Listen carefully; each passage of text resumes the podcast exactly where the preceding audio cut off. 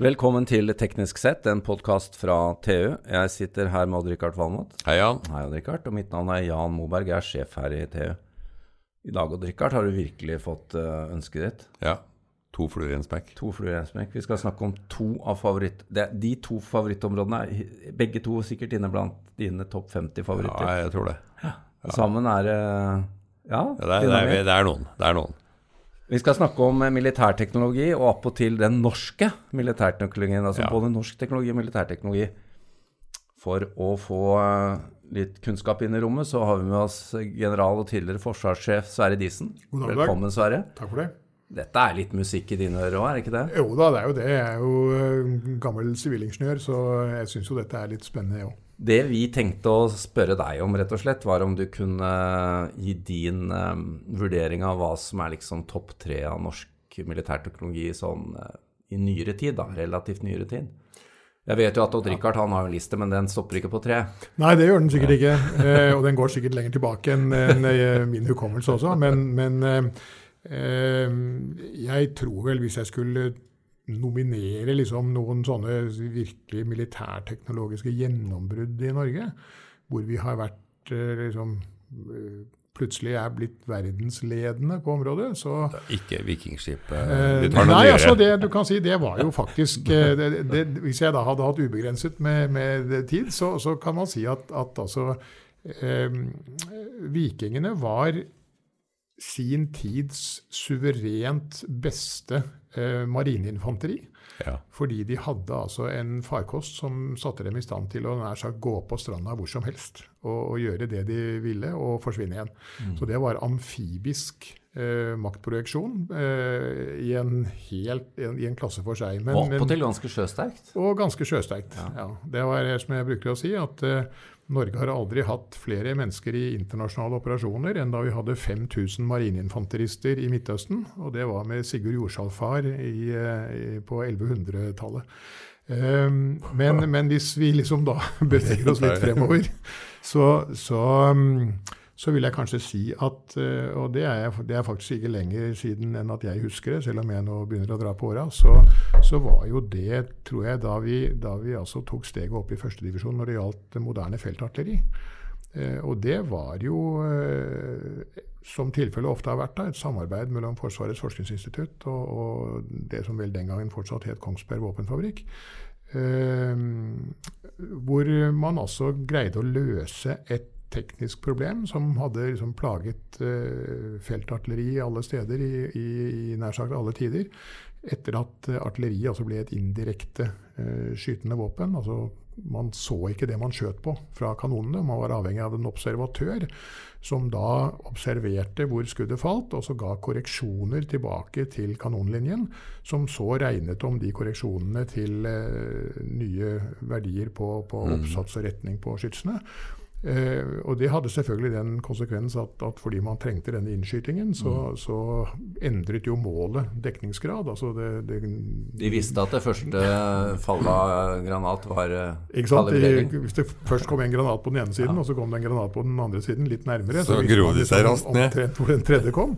Så, så dette var jo en, en, Det å kunne løse det problemet, det ville altså effektivisere eh, artilleriild. Ikke liksom med 10 eller 15 men liksom med en størrelsesorden. Liksom ja, hvordan gjør man dette, da? Og Det løste man også ved en, en, en teknologiinnsats. da som, som uh, satte artilleriet i stand til å, å beregne ved hjelp av data om, om, vær og om eh, granatens utgangshastighet og en del andre faktorer, samt en regnemaskin som, som, prosesserte denne informasjonen, så ble man i stand til å gå til direkte virkningsskyting, som vi sier. Altså De som ble beskutt, de fikk altså ikke noe varsel før hele ildskuren altså landet i målet.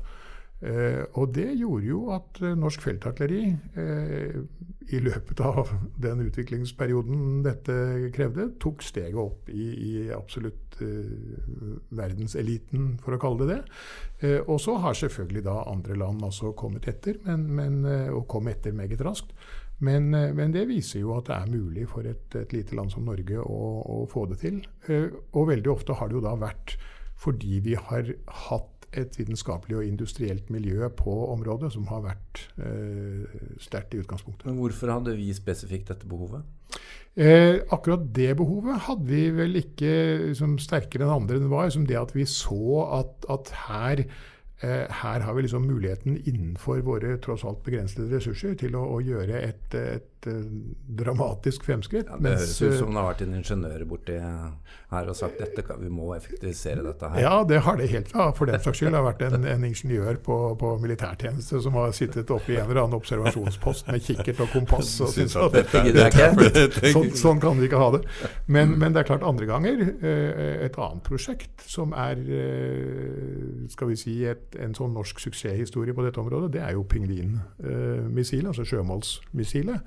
Eh, og det er, hvis jeg nå ikke husker feil, så var jo det en, en konsekvens av at skjærgårdsgeografien, som er spesiell for Norge, mm. gjorde at altså eh, søkesystemet i hodet på missiler som skal brukes på åpent hav, Uh, Ble for grovt? Ikke, det er for grovt. Det er ja. ikke uten videre brukbart i en norsk geografi. Og så har jo det norske liksom, uh, kystforsvarsproblemet det har jo altså vært å, å stanse en, en, eh, en, inntrenger som kommer liksom inn fra havet, uh, og som da trenger inn i et skjærgårdsfarvann, hvor man trenger et missil som, som, kan diskriminere mellom nær sagt skjær og holmer og, og fartøyene.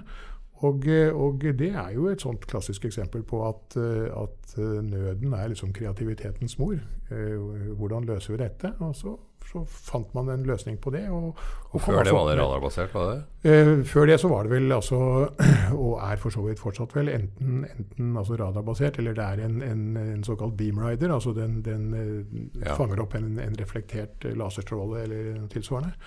Um, og uh, dette har jo vært en stor suksess, selvfølgelig, også, også kommersielt.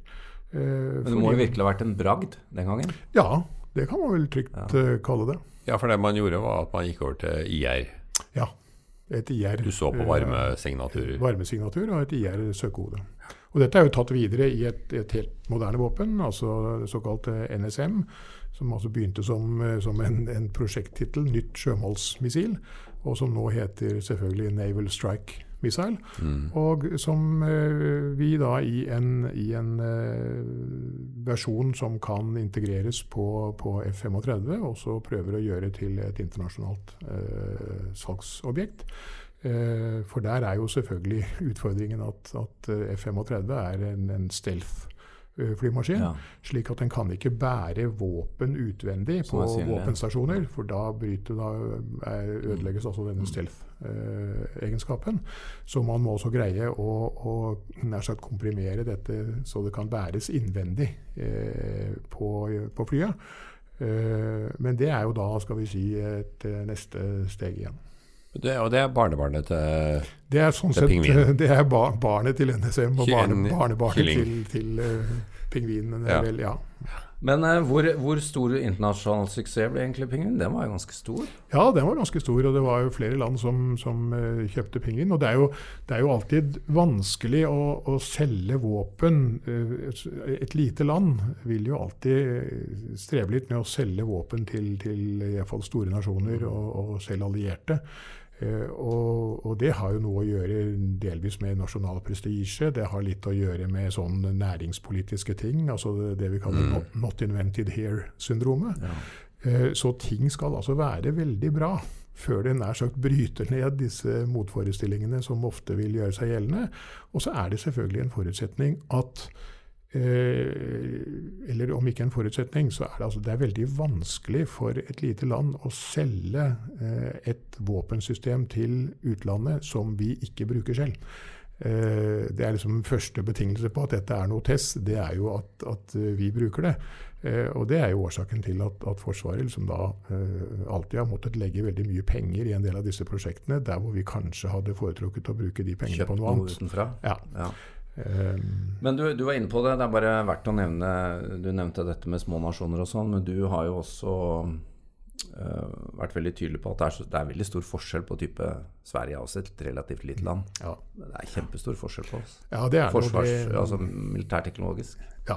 Det har jo, altså nå jo, har jo Sverige en veldig sterk industritradisjon ja. generelt. Men, men, svenskene har jo da hatt eh, Svensk forsvarsindustri har hatt veldig god drahjelp av den svenske nøytralitetspolitikken. For den var jo i utgangspunktet så Eh, strikt at den altså tillot ikke Sverige å kjøpe våpen nær sagt fra andre i det hele tatt. De skulle lage alt selv.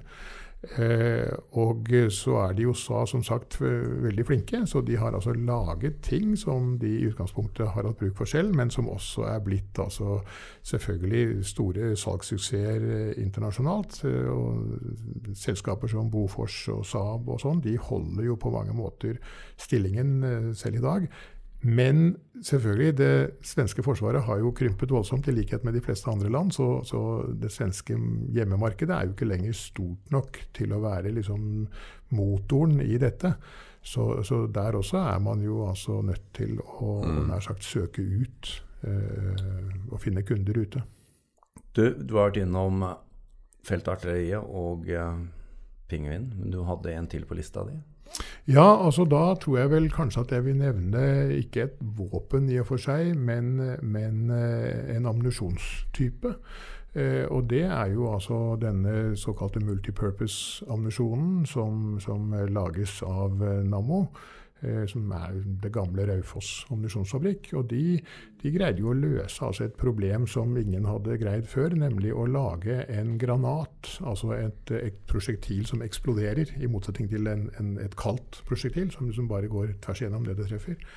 Um, en granat uten uh, et såkalt brannrør, altså uten en mekanisme som, som antenner sprengstoffet i, uh, i prosjektilet.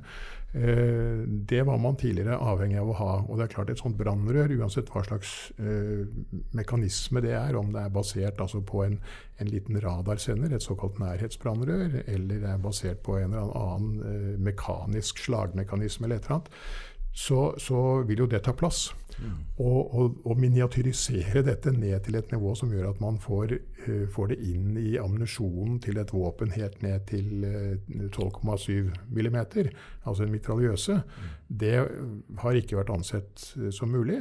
Før altså Nammo løste det med denne multipurpose-ammunisjonen, som er en, en liten 12,7 mm mitraljøseprosjektil som i realiteten er en granat. Dette var et internasjonalt gjennombrudd? Dette var en, en, også et, et, internasjonalt gjennombrudd som de vel har lisensiert ut. det er vel mye av uh, inntekten også, det er multipurpose ammunisjon til Nammo, er det ikke? Ja, så vidt jeg vet, så, ja. så uh, er det det. Og Richard, pingvin, feltartilleri og multipurpose ammunisjon. Hvilken dom gir du han for å velge de tre? Det tror jeg er ganske riktig. Altså det, vi snakker om nyere tid, da. Eh, Krag Jørgensen var vel også en sånn ganske innovativ Men da er vi på 1800-tallet. Eh, Krag Jørgensen var altså Det norske forsvaret var veldig tidlig ute med et, et eh, baklade repetergevær.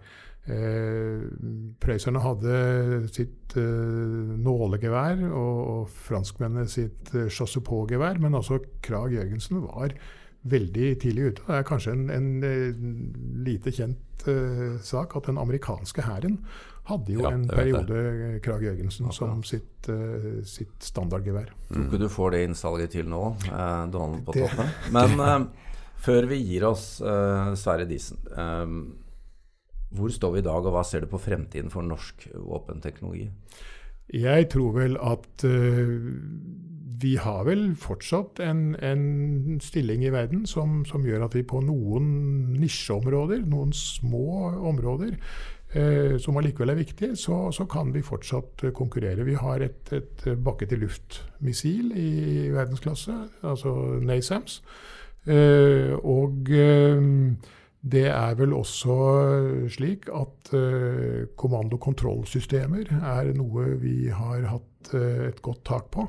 Altså disse informasjons- og kommunikasjonssystemene som, som tjener si, ledelsesfunksjonen til, til, militære styrker og hovedkvarterer.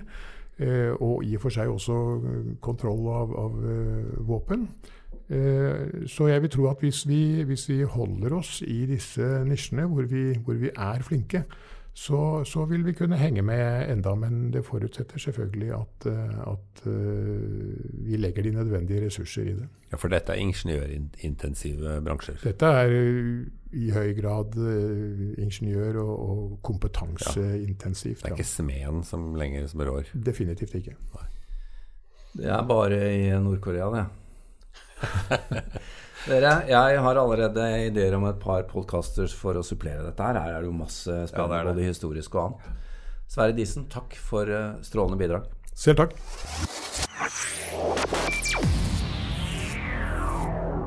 Yeah.